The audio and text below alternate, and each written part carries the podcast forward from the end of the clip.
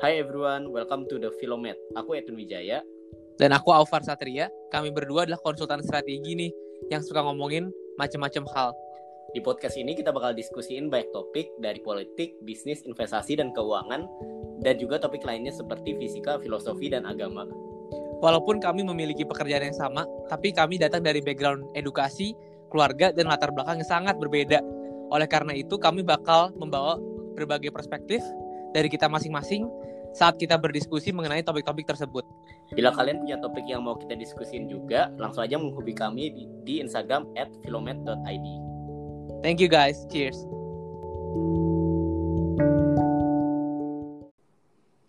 Hi guys, uh, welcome back to Filomath. Seperti biasa di sini ada gue Aufar dan ada Edwin juga di sini dan pada episode kali ini kita kedatangan tamu yang menarik nih. Uh, namanya Yosua Hotman Enggolan. Jadi Yosua ini um, dia itu sekarang menjabat sebagai Head of CEO Office di salah satu startup B2B payments um, Altera dan dulunya itu dia juga sempat menjadi konsul, strategi konsultan juga uh, dan uh, berkecimpung di uh, di dunia apa namanya finance lah. Jadi pernah di OJK juga dan dan uh, berbagai uh, finance tempat finance lainnya dan dia juga uh, punya uh, CFA gelar CFA gitu ya. Jadi ya. iya Yos. Uh, apa kabar Yos? Baik baik baik. Apa kabar semuanya? Baik. Baik baik, baik. waduh waduh okay. mantap nih. Uh, jadi iya Yos Win. Jadi pada episode kali ini topiknya adalah bagaimana olahraga kompetitif sports di early age atau pengalaman lah ya pengalaman kompetitif sports itu translates ke performance di dunia kerja atau translates ke ke mindset mindset positif gitu di, di dunia di dunia gimana kita menjalankan dunia ini gitu.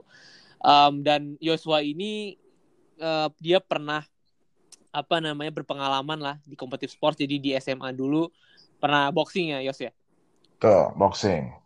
Boxing. Sampai apa tuh Yos? Sampai kejuaraan apa? Sampai Popda sih. Nah, jadi mungkin kurang berbakat atau kurang latihan sampai pon, tapi uh, sempat compete juga di Popda. Um, sejauh itu kompetisi-kompetisi lokal aja. Sayangnya juga takut ya, kebanyakan kepukul juga nanti nggak nggak lolos UAN. dulu berat ya sekarang. Ya. Oke, jadi dulu di SMA um, sempat boxing, terus di di kuliah eh, pas di US ya, ya dulu ya? Ya, di US itu tuh sempat ikut wrestling juga ya, collegiate wrestling, uh, terus juga jiu-jitsu, mostly nogi. Tapi ya namanya orang Indo ke sana, pas compete-nya sama wrestler-wrestler yang dari sejak belum bisa jalan udah on the mat ya ya nggak gitu memuaskan lah uh, prestasinya tapi it was a very fun experience nonetheless. Ya. Oke, okay. di ragdoll ya sama wrestler-wrestler Amerika. Oh ya. Terus um, ya sekarang apa ya olahraganya? Uh, sekarang ya olahraganya sesempatnya golf. Uh, try to be competitive. Mungkin ada ikut-ikut kompetisi uh, yang ada di klub sana sini.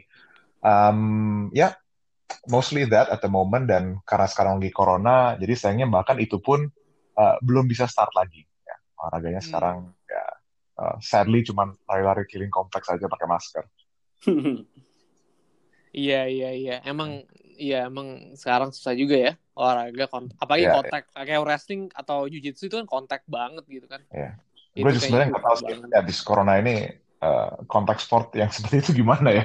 iya makanya cari teman latihan juga masa harus tes dulu gitu kan iya pakai face shield pakai face shield atau itu lagi pakai face shield gak bisa bro kalau kalau grappling gak bisa mau ngecok gak bisa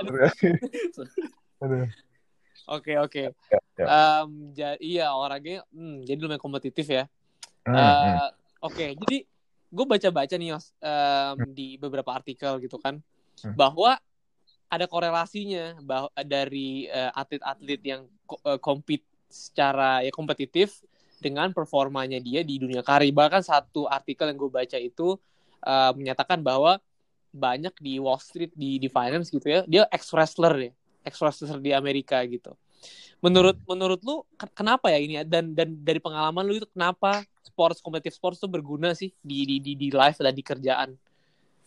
Ya, ya, ya itu gue setuju. I think I think I know the article yang you're talking about tuh udah quite some time, tapi it's true ya. Uh, dan semakin gue berumur gitu masuk ke dunia kerja, semakin ada tanggung jawab lebih, semakin bisa ngeliatin juga fresh grad fresh grad yang baru masuk. Itu uh, gue ngeliat banget bahwa Hmm. seseorang ya entah laki-laki atau perempuan yang pernah compete uh, in any sport sebenarnya di masa-masa kuliah atau high schoolnya itu beda banget. Beda banget ketika mereka baru masuk, beda banget cara mereka handle pressure, beda banget juga speed mereka go to the top.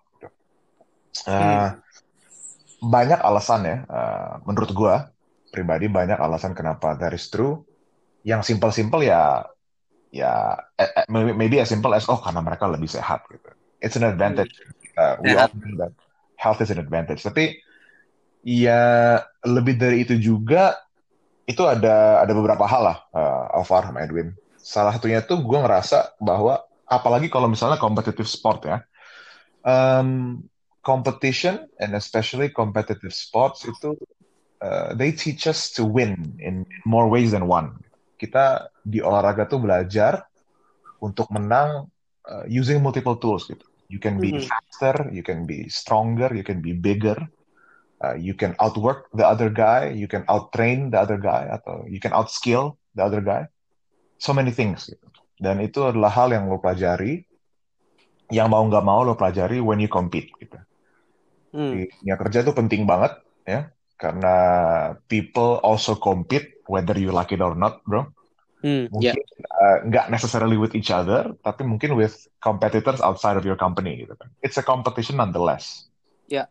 Uh, what works today atau what works for one client may not work for tomorrow atau may not work for another client. Jadi kalau Hmm. lo compete nih, lo lo cepet gitu, lo agile, trying different things. Oh, this doesn't work, try this, try that. Itu satu. Uh, kedua itu gue ngerasa kalau athletes ya itu very teachable, very very coachable. Uh, Hmm. I think that in most competitive sports, apalagi yang di usia muda gitu ya, itu pasti ada coachnya kan, Nah, Betul, pasti betul. ada pelatihnya gitu. Mau itu guru guru apa, guru senam lo yang dari sekolah gitu, sampai iya, mungkin iya. lo masuk pelatihan nasional gitu, ya, dibawalah guru dari Korea sana gitu ke sini. Tapi you have a coach. Eh, itu adalah hal yang penting banget karena dengan adanya coach, you can learn much faster. Gitu.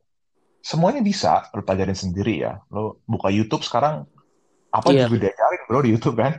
iya benar Eh, benar semua ya, ada. for everything there's a YouTube video, for everything there's a podcast. Tapi having a coach itu gives you instant feedback uh, dan hands-on and you learn at a much faster rate. Gitu. Uh, itu gue lihat di dunia kerja sekarang juga udah mulai diterapkan ya, ya having a business coach, having Hmm. a, a performance coach, karena memang efeknya real gitu. Nah, lebih penting lagi yang lo coach adalah orang yang coachable. And uh, I'll, I'll tell you from the bottom of my heart, nggak ada orang-orang yang lebih coachable daripada athletes. Ya. Hmm. Itu Ini pengalaman pengalaman lu atau atau lu lu ngeliat juga ke orang lain Yos? Kalau yang satu itu pengalaman gue pribadi ya, banyak kan, yang bahwa lo find multiple ways to win. Kalau yang kedua itu pengalaman pribadi dan juga gue ngeliat orang gitu. Hmm. Karena jarang gini, misalnya gue ada dua team member nih ya. Satu itu dia nggak berani gitu minta arahan karena dia takut dianggap bego gitu. Kalau misalnya dia nanya, how do I do this? Tapi kalau ada ex athlete, dia langsung nanya gitu, how do you want me to do this? Dan ketika dia do it, oke, uh, let me know how I did. Gitu. What do Hmm. you want me to improve? Bagaimana caranya gue improve? Can you teach me? Jadi kayak gitu gitu. Kata-kata teach, kata-kata feedback itu tuh bukan sebuah momok bagi mereka. Hmm. Karena eh ya udah di udah digembleng dari kecil kayak gitu, Bro, ya kan? You you learn through coaching gitu. You you grow through feedback. Itu dua ya. Bentar bentar. Gue mau, mau mau diskusi yang nomor dua nih. Ah. yang nomor dua ini kan gue denger eh, coachable lah ya. Iya, kan dia dia bisa nerima instruksi dan melakukan instruksi dengan baik gitu. betul. Tapi apakah itu membuat dia nggak kreatif gitu Yos? Karena kan kalau di atlet, misalkan misalnya pengalaman gue ya um, as an athlete gitu we we don't uh, kita nggak di kita nggak dituntut untuk untuk krea, untuk untuk istilahnya untuk kreatif lah misalnya lebih diutamakan lu nurut pengalaman gue ya daripada lu kreatif gitu. Kayak misalkan gue mau mau nonjok gitu. Ya nonjok kan misalnya jab uh, straight gitu. Ya itu jab straight udah lama lah. Lu nggak usah kreatif tiba-tiba jab lu miring lah apalah apa. Itu kan lu ya lu dia lu diajarin satu hal lu harus ngelakuin execute kayak kayak tentara lah gitu kan. Iya. itu iya, apakah apakah ada ada counter productivity di situ? Apakah orang-orang atlet itu jadinya nurut doang tapi nggak bisa membangkang atau nggak bisa punya kreativitas gitu Ya, ya itu itu benar dan to a certain extent, uh, Far, gue rasa itu nggak ada salahnya. Jadi kayak gini, ketika lo mau belajar dari nol ke satu, sometimes it's best to take orders gitu. Karena karena gue juga percaya gini ya di luar dari omongan atlet ini ya, uh, for everything ya, for most things lah ya, there are uh, a set of fundamentals gitu, ya kan? How to throw a punch, uh, to deliver maximum impact sama without injuring your wrist gitu. hmm. Ada gitu kan. Sama kayak lo kerja gitu ya. Uh, how to create a storyline for a deck. The basics are there. Nah, ketika lo mau uh, belajar the basics gitu for the first time, uh, extreme obedience and extreme discipline in following orders itu gue rasa there's a place for that gitu. Ada tempat buat itu. Nah, tapi memang uh, at, a, at a later level gitu, ketika lo sudah akhirnya udah udah udah get the basics down dan lo mulai compete gitu, dan lo compete sama-sama orang yang juga semua udah sama-sama katannya nih basicsnya bro, ya creativity comes into place juga. Gitu. Nah, hmm. itu juga balik ke poin gue nomor satu gitu kan. Athletes itu dituntut untuk kreatif gitu. You find more than one way to win.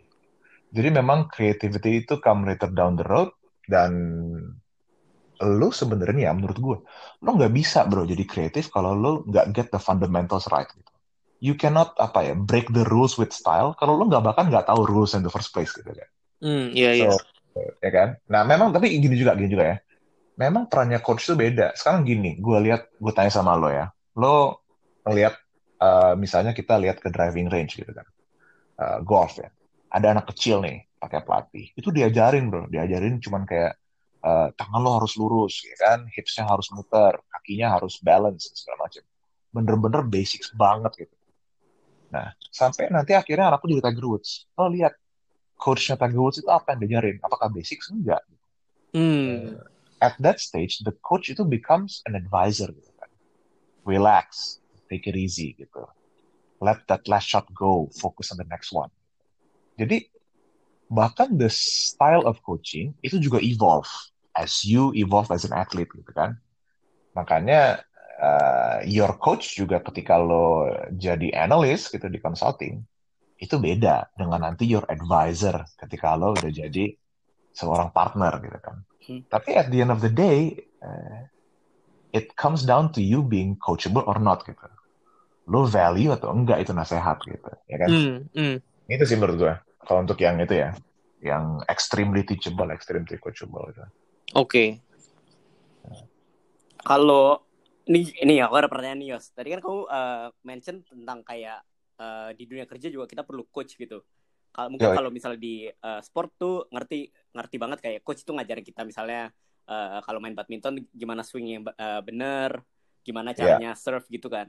Kalau misalnya yeah. di dunia pekerjaan tuh kayak gimana sih maksudnya kayak definisi kayak uh, punya coach gitu? Apakah kayak dia ngajarin cara kerjain uh, cuma misalnya kalau di consulting itu bikin deck atau mungkin kayak ngajarin yang lain gitu? Ya, ya. Jadi bisa bisa multiple things ya bro menurut gua. I mean uh, yang tadi lo bilang tuh benar ya kan. Misalnya cara bikin deck gitu. The basics are there gitu kan. Bagaimana lo communicate with impact gitu. Uh, jangan pakai animasi-animasi, jangan pakai clip art kayak lo high school student gitu kan. Nah itu uh, itu merupakan sebuah form of coaching gitu. Uh, some of it how to do things right, some of it how to not make a fool of yourself gitu kan.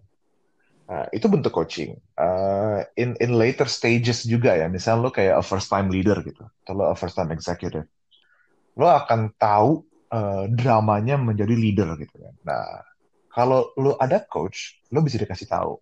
I suggest that on your first day you do this. You have lunch, uh, with your team, you ask and you get to know about their family, and you know their preferences and whatnot. Gitu. Supaya uh, di kemudian hari lo terhindar dari drama.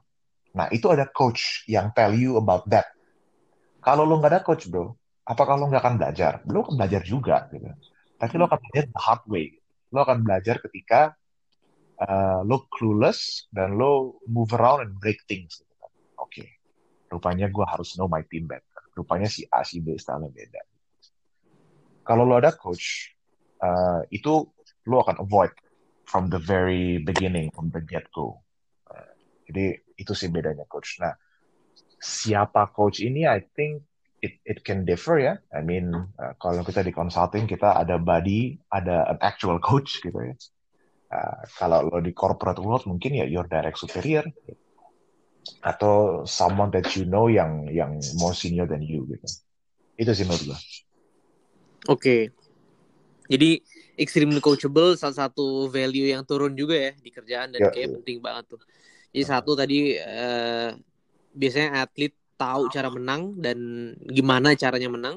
Yang kedua, extremely coachable. Apalagi tuh Yos selain itu? Uh, satu lagi yang terakhir ini yang uh, kalau ini gue ngelihat both dari gue sendiri dan dari orang lain, uh, athletes atau ex athletes itu mereka tuh value discipline and sacrifice. Mereka melihat nilainya dan mereka bisa gitu commit to be disciplined and and and are willing to sacrifice things. Uh, ini mungkin terlihat ultra macho gitu, tapi I will tell you why. Jadi eh, di dunia olahraga kita punya uh, cause and effect uh, feedback cycle tuh lumayan cepat gitu ya bro ya.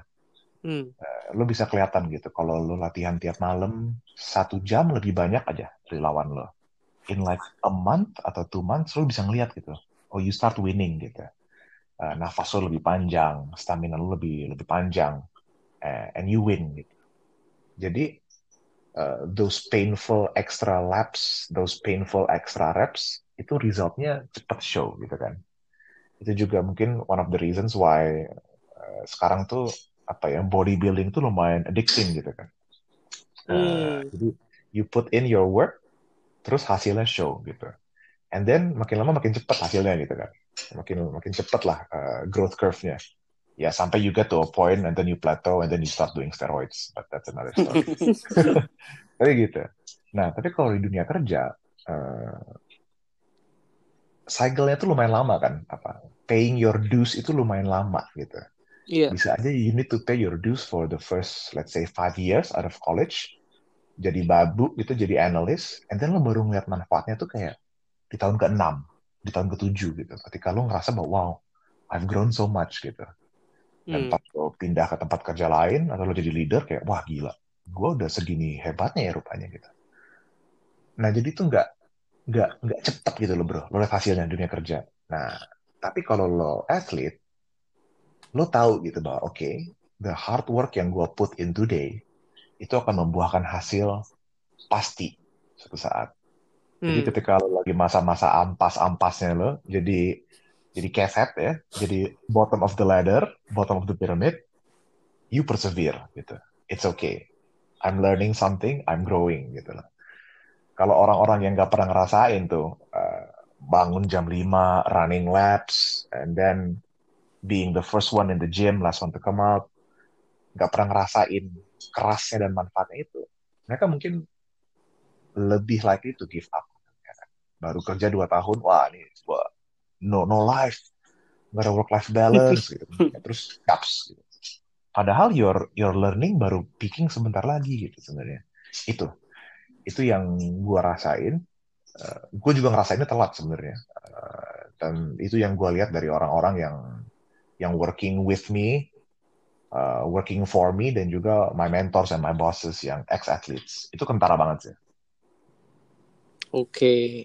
Tiga itu, itu aja sih, kayaknya Far kalau misalnya selain dari Jadi uh, jadi yang terakhir menarik juga sih kayak ya dia jadi orang tahu bener-bener eh, the value of discipline gitu sama sacrifice dan jadinya di kerjaan juga dia bakal put in the put in the hours gitu ya put put in the effort untuk bener-bener uh, persevere dan dan walaupun resultnya si lama gitu ya. Iya, delay gratification bro, itu kan apa tuh istilah yang ini banget sekarang ya, yang dilempar di mana-mana ya. How do you be rich? You delay gratification. How do you lose weight? You delay gratification. How do you succeed? You delay gratification. Nah, the discipline to sacrifice and delay gratification itu itu athlete banget. Itu athlete banget menurut gua. Hmm. Oke oke oke oke. Mungkin uh, kalau gue spin dikit ya, mungkin yeah. kalau misalkan pendengar-pendengar yang um, bukan atlet ya, atau mungkin yang bukan kompetitif atlet gitu ya. Dari diskusi ini juga sebenarnya bisa belajar ya um, how to how to think and act. Seakan-akan tuh lu punya pengalaman sebagai apa dengan apa pengalaman atlet gitu. Jadi yeah, yeah. misalkan kita nggak punya pengalaman atlet ya kita misalkan tahu oh ternyata tadi yang Yosua bilang pertama to perform gitu ya in the work. Eh, lu harus benar-benar know how to win um, dan gimana caranya. Nah, yang kedua harus extremely coachable juga. Um, kalau bisa benar-benar apa serap ilmu dari coach dan juga the fundamentals diperkuat. Dan yang terakhir ya ya we have to put in the works in the early early early age of our career. Um, understand the value of discipline and sacrifice. Dan benar-benar uh, ya di delay gratificationnya kita kita tunggu gitu jadi I think yeah. pendengar-pendengar yang pendengar yang nggak atlet juga sekarang tahu nih cara cara pikir pola pikirnya atlet dan kenapa mereka memang unggul di dunia kerja gitu ya. I think Betul. I think that's a, a great takeaway juga buat orang-orang yang dengerin yang bukan atlet gitu. Nah, ya itu gue setuju. Jadi ya the values itu universal sebenarnya kan. Hmm, benar. Masalah uh, knowing more ways than one gitu ya to win. Uh, terus juga being coachable dan juga you know uh, willing to be disciplined and you know sacrifice itu tuh universal hanya saja. Memang values values itu tuh menurut gue pribadi itu tuh lebih cepat di ingrain ke athletes gitu. Dan hmm. kita mau nggak mau harus belajar values itu gitu. Uh, banyak juga kok orang-orang yang successful di dunia kerja uh, yang bukan athletes ya dari kecil atau bahkan all throughout their life mereka nggak nggak compete in sports tapi mereka sukses karena mereka juga demonstrate semuanya itu gitu kan. Uh, Warren Buffett be an athlete? I don't think so. This this guy eats McDonald's every day ya kan? Tapi ya he delays gratification kan. He he he invest in value stocks gitu loh. Yang yang gain in the very long term. That's delaying gratification gitu kan. So so these values are universal. And you don't have to be an athlete to to appreciate atau to incorporate these in your in your day to day juga. Hmm. Kalau misalnya nih kita baru mau mulai nih, Yos mau mulai hmm. olahraga, itu masih bisa gak sih, masih ngefek gak sih ke misalnya kalau kita aku mulai olahraga apa gitu, misalnya hmm. wrestling hmm. gitu, hmm. masih bisa efek gak, gak sih ke performance aku misalnya di kantor gitu, atau udah telat gitu? Ya kalau misalnya sekarang lagi covid bro, jadi ya jangan sih. Menurut gue wrestling lari lah lari lah. Lari kan masih bisa tuh. Yeah. lari keliling komplek. Salaman aja kita salaman aja kita nggak boleh kan tapi ya. Uh, menurut gue masih ya. Uh, jadi itu juga itu penting banget actually poinnya. Tadi kita ngomongin ini kan kayak oh yang athletes yang kompetitif di early age. I think uh, sekarang pun juga masih bisa gitu ya. Efeknya masih masih ada. Tapi mungkin uh, your learning curve itu lebih stretch out karena ya lo nggak fokus on competing gitu kan you have your you have your uh, work to do gitu you guys are consultants as far as I understand so the hours are long probably so nggak begitu banyak juga waktu yang bisa lo pakai untuk engage in sports apalagi competitive sports gitu hmm. recreational uh, ya biasanya recreational, recreational hobi ya. gitu ya. ya recreational juga sebenarnya win kalau misalnya lo ada yang kompleks aja uh, itu juga build disiplin gitu kan. Lo akan sadar gitu kayak the more consistent you are uh, the more you commit oh jam segini gue harus set aside time to do this the better you get gitu kan.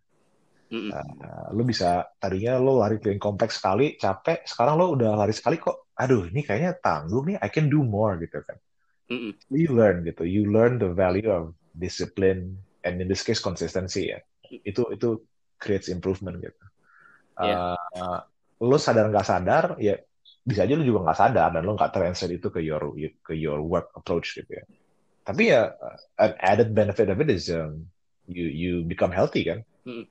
uh, I think it's so easy to to let yourself go ya and then you know expense everything and just expand ya you expense food and then you expand your belly gitu and then and then you become less competitive that way Hmm. tapi itu itu masih ada manfaatnya menurut gue Ini menarik banget sih, soalnya kayaknya zaman sekarang itu kalau kayak si- eksekutif-eksekutif gitu banyak yang maraton ya, kayak lari, naik sepeda gitu-gitu. Malah kalau salah betul. aku pernah baca research itu eh, untuk orang yang lari maraton itu on average itu mereka itu eh salary eh, income-nya jauh lebih tinggi daripada orang yang nggak maraton gitu on average. Hmm. Menurut kamu itu ada correlation-nya juga tuh kayak oh mereka orang misalnya disiplin ma- maraton itu jadi orangnya kerja lebih rajin gitu-gitu ya. Eh, bisa sih, bisa ada correlation eh, bahwa eh, seperti yang tadi lo bilang gitu, karena dia maraton dia kerja lebih rajin, atau bisa juga eh, kita tarik mundur lagi ya. Jadi orang yang predisposed to enjoy running long distances in pain gitu, itu juga memiliki inherent traits yang cocok gitu untuk succeed di dunia kerja gitu kan.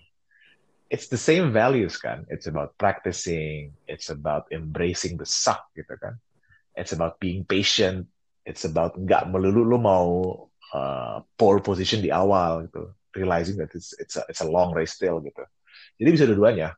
So you are um, you are successful because you are trained uh, to to do marathons, to run marathons. Atau bisa juga kayak you have these three values, therefore you enjoy doing marathons and you also succeed at work. Um, Hmm. I would like to think that it's a mix of both of them sih menurut gua.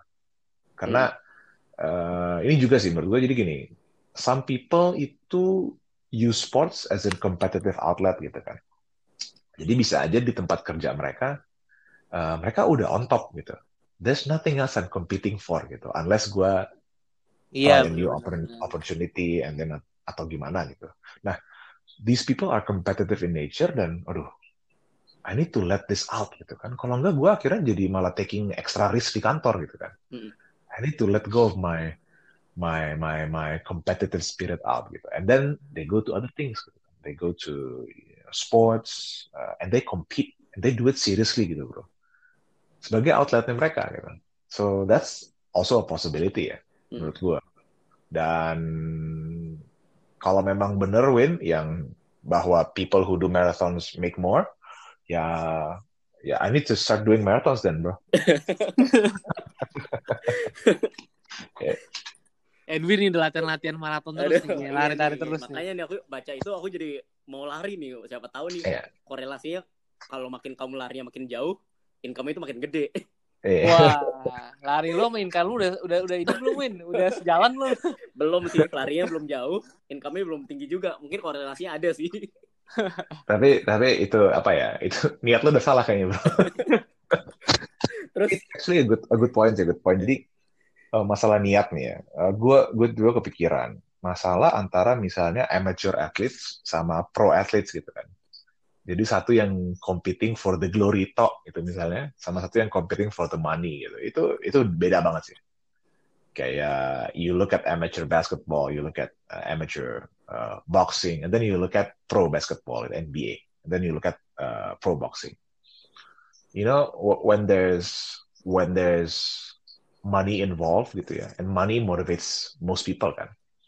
Itu yang tadi gue bilang bro, yang tadi value uh, apa namanya finding multiple ways to win, jadi lo kreatif gitu, sama being extremely coachable, jadi lo bayar coach-coach termahal gitu, dan bahkan Iya, iya, iya. spesifik gitu kan, untuk untuk apa untuk nutrition aja lo ada coachnya, untuk performance lo ada coachnya gitu, sama yang terakhir gitu, sama lo sacrificing things untuk untuk win. Itu itu amplified. Kalau Hmm. motivation lo gede banget, in most cases no money itu those three values itu amplified. Dan lo jadi become a whole different animal menurut gue, in a good way. Oke. Um, wah, emang berarti emang apa atlet misalnya olahraga in general tuh. Gue sih ngerasain banget sih maksud gue apalagi yang lari doang gitu. I mean physiologi physiologically misalkan gue sebelum berangkat kerja gue lari dulu gitu. Um, rasanya juga beda mungkin ada endorfin atau apa ya maksud gue um, something ya apa namanya chemical chemical sesuatu yang yang rilis kalau olahraga dan juga gue jadi feel good. Biasanya gue hmm. datang pagi-pagi perlu kopi ini enggak gitu kan. Uh, hmm. gue bisa apa clear thinkingnya. Jadi menurut gue physiologically juga banyak ya mungkin saat other than the, the mental the mental the inilah the mental ya benar gitu. Terutama olahraga-olahraga yang seperti itu ya yang kayak ya ini in my personal opinion ya juga kayak yang jogging yang you do yoga and then you swim ya yeah, it's therapeutic in a way tapi kalau misalnya lo combat sports ya ya tadi malam ya. lo kena left hook dan lo flash knockout, besoknya pusing sih bro. it, it, it will be hard to drive a meeting ya. Benar-benar. meeting muka lo bonyok-bonyok gitu nggak mungkin juga. Oke, okay. yang, yang mungkin lo ada cerita menariknya kayak uh, apa misalkan cerita lo dulu pas lagi boxing atau pas lagi uh, di US gitu compete ada nggak suatu cerita atau suatu pengalaman yang lu inget banget dan relates to the three aspek yang lu udah ngomongin gitu? Hmm. Jadi uh, menurut gue tuh jadi gini, ada satu hal yang yang yang terkait apa ya, terkait wrestling lah. Um, if, if, if people uh, grappling in general ya, gitu. Misalnya ini bagi teman-teman pendengar yang yang nggak nggak nggak ikut gitu atau nggak nggak follow combat sports, itu kayak kayak tinju, kayak MMA, itu pasti ada weight classes kan. Ada weight classes. Jadi uh, people itu harus uh, compete, harus cari lawan yang sesuai berat badannya gitu kan.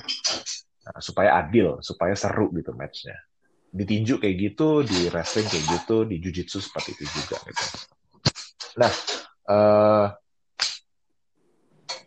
gue ngerasa bahwa uh, gue gue baru ngeliat pertama kali ya uh, Far kalau misalnya pegulat itu mau compete mereka itu sedikit licik ya atau hmm. sedikit cerdik gitu jadi misalnya gue mau compete uh, wrestling ini uh, grappling di middleweight gitu 185 pound misalnya kan nah itu berarti berapa tuh kalau di kilo sekitar 80-an ya 80, ya. 80 kiloan kalau nggak salah kan uh, nah itu kalau lo ngelihat ya orang-orang yang compete di 185 pound di 80 kilo itu, itu tuh beratnya lebih dari 80 kilo gitu. Iya iya. iya. Ini kalau lo lihat ya di pas lagi mau match itu tuh berat-beratnya 100 kilo lah, at least ya kan. Ini orang-orang yang tingginya tuh kayak 6'2", 6'3 gitu ya, atau bahkan 2 meter gitu. Uh, terus mereka kok compete-nya di 185 pound ya. Nah, rupanya setelah gue tahu lebih lanjut lagi, itu mereka udah terbiasa nih ya, dari zaman-zaman high school gitu, masih SMA pas wrestling, mereka itu cut weight. Jadi mereka itu mendehidrasi badannya, mendehydrate badannya kayak sekitar tiga hari sebelum compete, supaya beratnya turun gitu. Jadi bener-bener gak makan garam, gak minum banyak electrolytes, jadi tuh badannya tuh beratnya bisa turun sampai sampai 10 kiloan gitu. Nah, pas mereka timbang sebelum tanding, nah bener, mereka masuk gitu. Mereka masuk bobot 185 pounds gitu. Hmm. 10 kilo itu. Nah, tapi pas habis mereka udah masuk bobot, langsung mereka minum lagi tuh kan, minum, makan, mereka balik gitu ke ke, ke bobot aslinya. Nah, itu gue sempet coba do the same. Yeah. And I think I have never been in more pain in my life. Mm. I, I, have never been so depressed. I have never uh, apa istilahnya? I've never wanted to kill myself. Yeah. Uh, that much in my entire life. Gitu.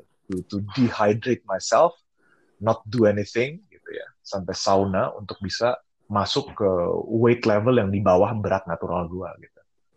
Nah, these people yeah, do it naturally.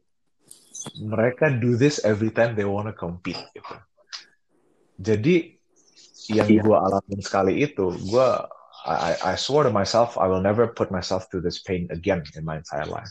Tapi these people do it so naturally gitu. Dan bahkan bukan yang champion-champion doang gitu, yang scrubs, yang cupu-cupu, yang nggak nggak nggak place nggak dapat medal mereka juga bisa do that gitu uh, jadi something yang begitu painful ya yang begitu unnatural itu bisa mereka telan dan mereka anggap sebagai biasa that's the price of victory bahkan bukan cuma menang doang ya that the price that you have to pay to to be able to compete nah itu ini sih itu itu I've never truly understood sacrifice and drive and finding ways to win uh, before that. Itu yang membentuk opini gue juga gitu. Dan itu juga mungkin yang membuat gue memutuskan bahwa I think I don't think I can do this professionally gitu. mungkin gue ngomong value ini bagus-bagus tapi mungkin I personally don't believe that gue ada that extreme degree of discipline and sacrifice. Tapi I learn from it and I applied gitu. I applied to especially to embrace the suck gitu ketika gue in the first you know five seven years of my career. Hmm. Nah, itu sih. Sorry nih agak panjang penjelasannya gitu deh. So so if you think lu ngerti gitu ya, uh, Alvar Edwin sacrifice something for victory, finding ways to win gitu uh, you don't know about that until you see a wrestler uh, cutting weight ya. It's iya. intense. Bener-bener gue juga dulu sempat MMA ya, sempat kompet kompet juga. Terus gue um, di berat kalau nggak salah tuh di berat gue masih 60 kilo, 60 kilo pas gue SMA. Terus gue cut, gue disuruh cut weight pada saat itu gue 65. Akhirnya gue cut jadi 60, mati-matian gitu kan gue juga ngerasa mau mati tapi apa namanya pas gue tanding gue lemes banget gitu itu yeah. kalau nggak salah pertandingan gue yang keberapa ya terus gue jadi kalah gitu I itu itu dan apalagi sebagai apa orang yang di coach ya kalah kalah tuh juga ini ini banget ya di pressing banget gitu ya. Maksud gue betul betul. wah kalau coach coach yang yang gila-gila itu bener-bener kalah tuh lu dimarah-marahin abis. Bener-bener di udah, udah lu bayangin udah cut weight kalah dimarah-marahin lagi. Kan yeah. gila juga ya maksud gue jadi di dalam otak-otaknya juga udah ingrain ya we have I have to win gitu. Dan dan, dan bener-bener ya bener sih gue juga ngerasa pas lu bilang ya gue nggak bisa kayak gini lah gue nggak mau gue udah gue iya. tonjokin yeah. gitu kan segala macem wah bah ini juga apa namanya saya juga ya betul, betul. tapi ya itu I think itu ini it, it builds character gitu ya klise banget sih klise banget tapi kayak it truly builds character gitu kan sama kayak misalnya why do misalnya kita ngomong ini ya people in consulting gitu ya mungkin bagi uh, your audience the audience ini juga ada yang pernah work in consulting you get used to uh, apa ya a degree or, atau an intensity of hard work of long hours yang yang most people are not familiar with gitu kan. Uh, after that, ketika lo keluar, everything is easy gitu kan. Everything seems to be moving in slow motion gitu. Dan lo tahu. Lo tahu how to build people to to to move at your pace, to be hmm. at your hmm. level intensity. So I think that's why, to a certain extent, yeah, uh, I believe that consulting itu juga are in the consultants ya, are in demand gitu. After mereka uh, transition out as consulting gitu. Because that same thing gitu. Oh orang pikir kerja keras, wah ini capek. Wah lu belum tahu kerja keras bro, lu belum tahu capek gitu. Uh, hmm. In an ever competitive world, uh, it becomes ever uh, valuable uh, to know the meaning of uh, sacrifice, to know the meaning of commitment and discipline. Gitu. Wah, mantap nih. Ya, interesting banget nih apa namanya discussion kita. I guess mungkin gua recap ya. Um, hmm. Jadi tadi pertama kenapa? Jadi kita udah tahu uh, kita baca data atlet itu punya beberapa traits yang memang um, membuat mereka stand out di di karir. Salah satunya hmm. adalah dia tahu cara menang dan lebih dari satu gitu kan. Yang hmm. kedua extremely coachable dan juga yang ketiga dia understand the value of discipline and sacrifice. Tapi nggak menutup kemungkinan teman-teman yang bukan uh, atlet juga bisa nge-adopt ini dan bisa successful juga.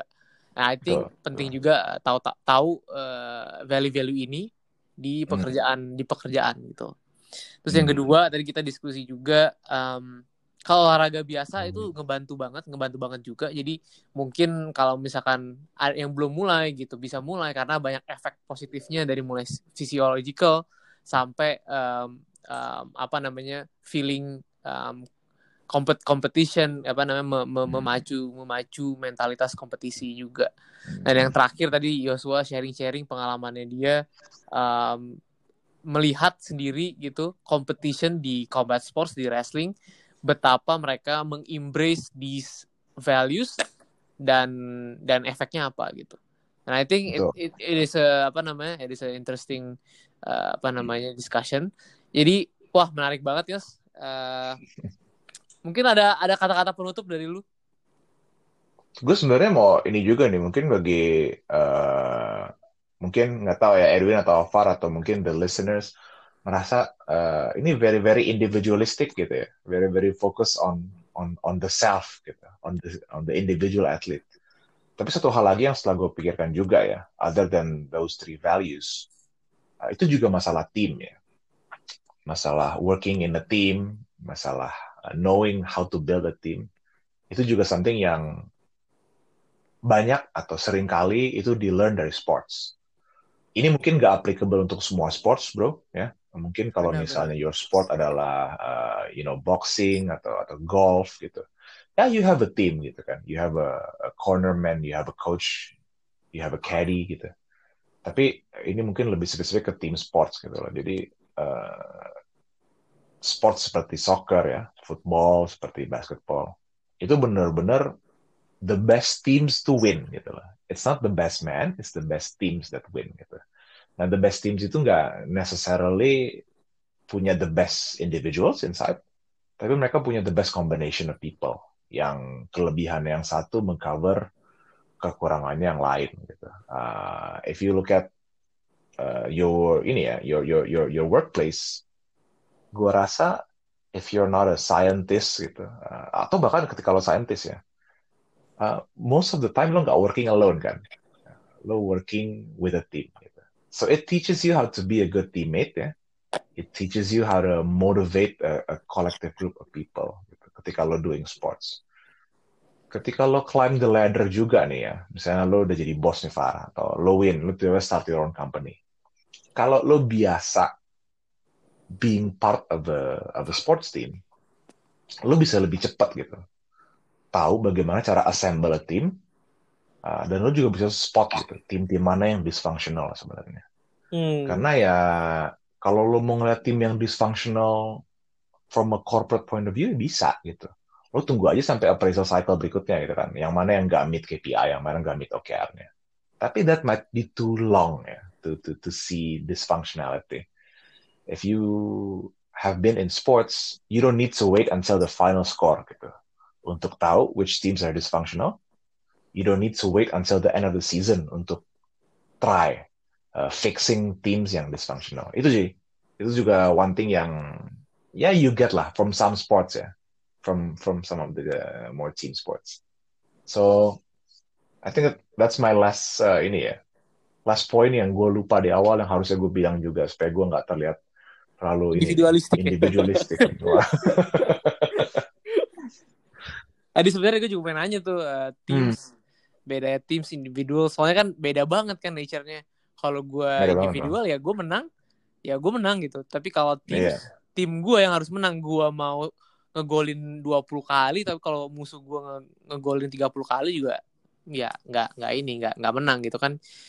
Benar, menarik juga benar. tuh teams tuh menarik juga tuh. Yeah. it's a different perspective juga ya teams. Yes it's a different perspective juga itu. Itu juga uh, ya lucunya gini lucunya nih sorry gue tambahin nih. Dalam teams itu lo ada dua layer bro competition bro. Lo compete with your teammates ah, iya, iya, tapi lo juga as a team compete with other teams gitu. Itu tuh dan itu mirror corporate juga kan? Maksudnya mirror itu mirror kerjaan. banget. Itu mirror banget. Itu mirror kerjaan banget kan. You are competing against your competitor ya yeah, another another company gitu tapi juga di dalam lo competing juga kan who's gonna be the star performer gitu nah ya yeah, it, it works karena yang di dalam compete akhirnya company benefits from it gitu ya. Karena semua yang di dalam kompetitif, akhirnya the company becomes the best gitu. Uh, so so yeah, those dynamics tuh mirip-mirip akhirnya kan, Pak. So if you get exposed to those dynamics earlier on, ketika lo terekspos sama those dynamics lagi di di dunia kerja, lo udah a couple of steps ahead. Gitu. Hmm. Menarik, menarik, menarik. Menarik juga tim sih. Oke, jadi ya gitulah ya efek-efek olahraga ke, ke ke kita dari individualistic sports, competition, uh, competitive sports uh, sampai ke teams. Jadi intinya positif semua ya. Positif. Oke, okay. oke. Okay. Kira-kira gitu dulu kali ya guys. Um, yeah. Thank you banget Yos udah mau ngomong di podcast ini. Um, Win ada. My pleasure, my pleasure. Uh, gak ada sih dari aku. Thank you banget ya sudah itu menarik banget nih. Yeah. So, kebetulan eh. aku salah satu orang yang nggak uh, melakukan sport waktu kecil barusan mulai hmm. awal-awal ini Gak apa-apa bro, tapi ya hati-hati ya, lagi coronavirus season, so... Yang wrestling, Win. Jangan, Jangan ya. wrestling, Win. Ya. Tarik link komplek ya. Oke. Oke, guys. Oke. Okay. Uh, thank you so much. Um, see you in the next episode. Bye. Thank you. Thank you.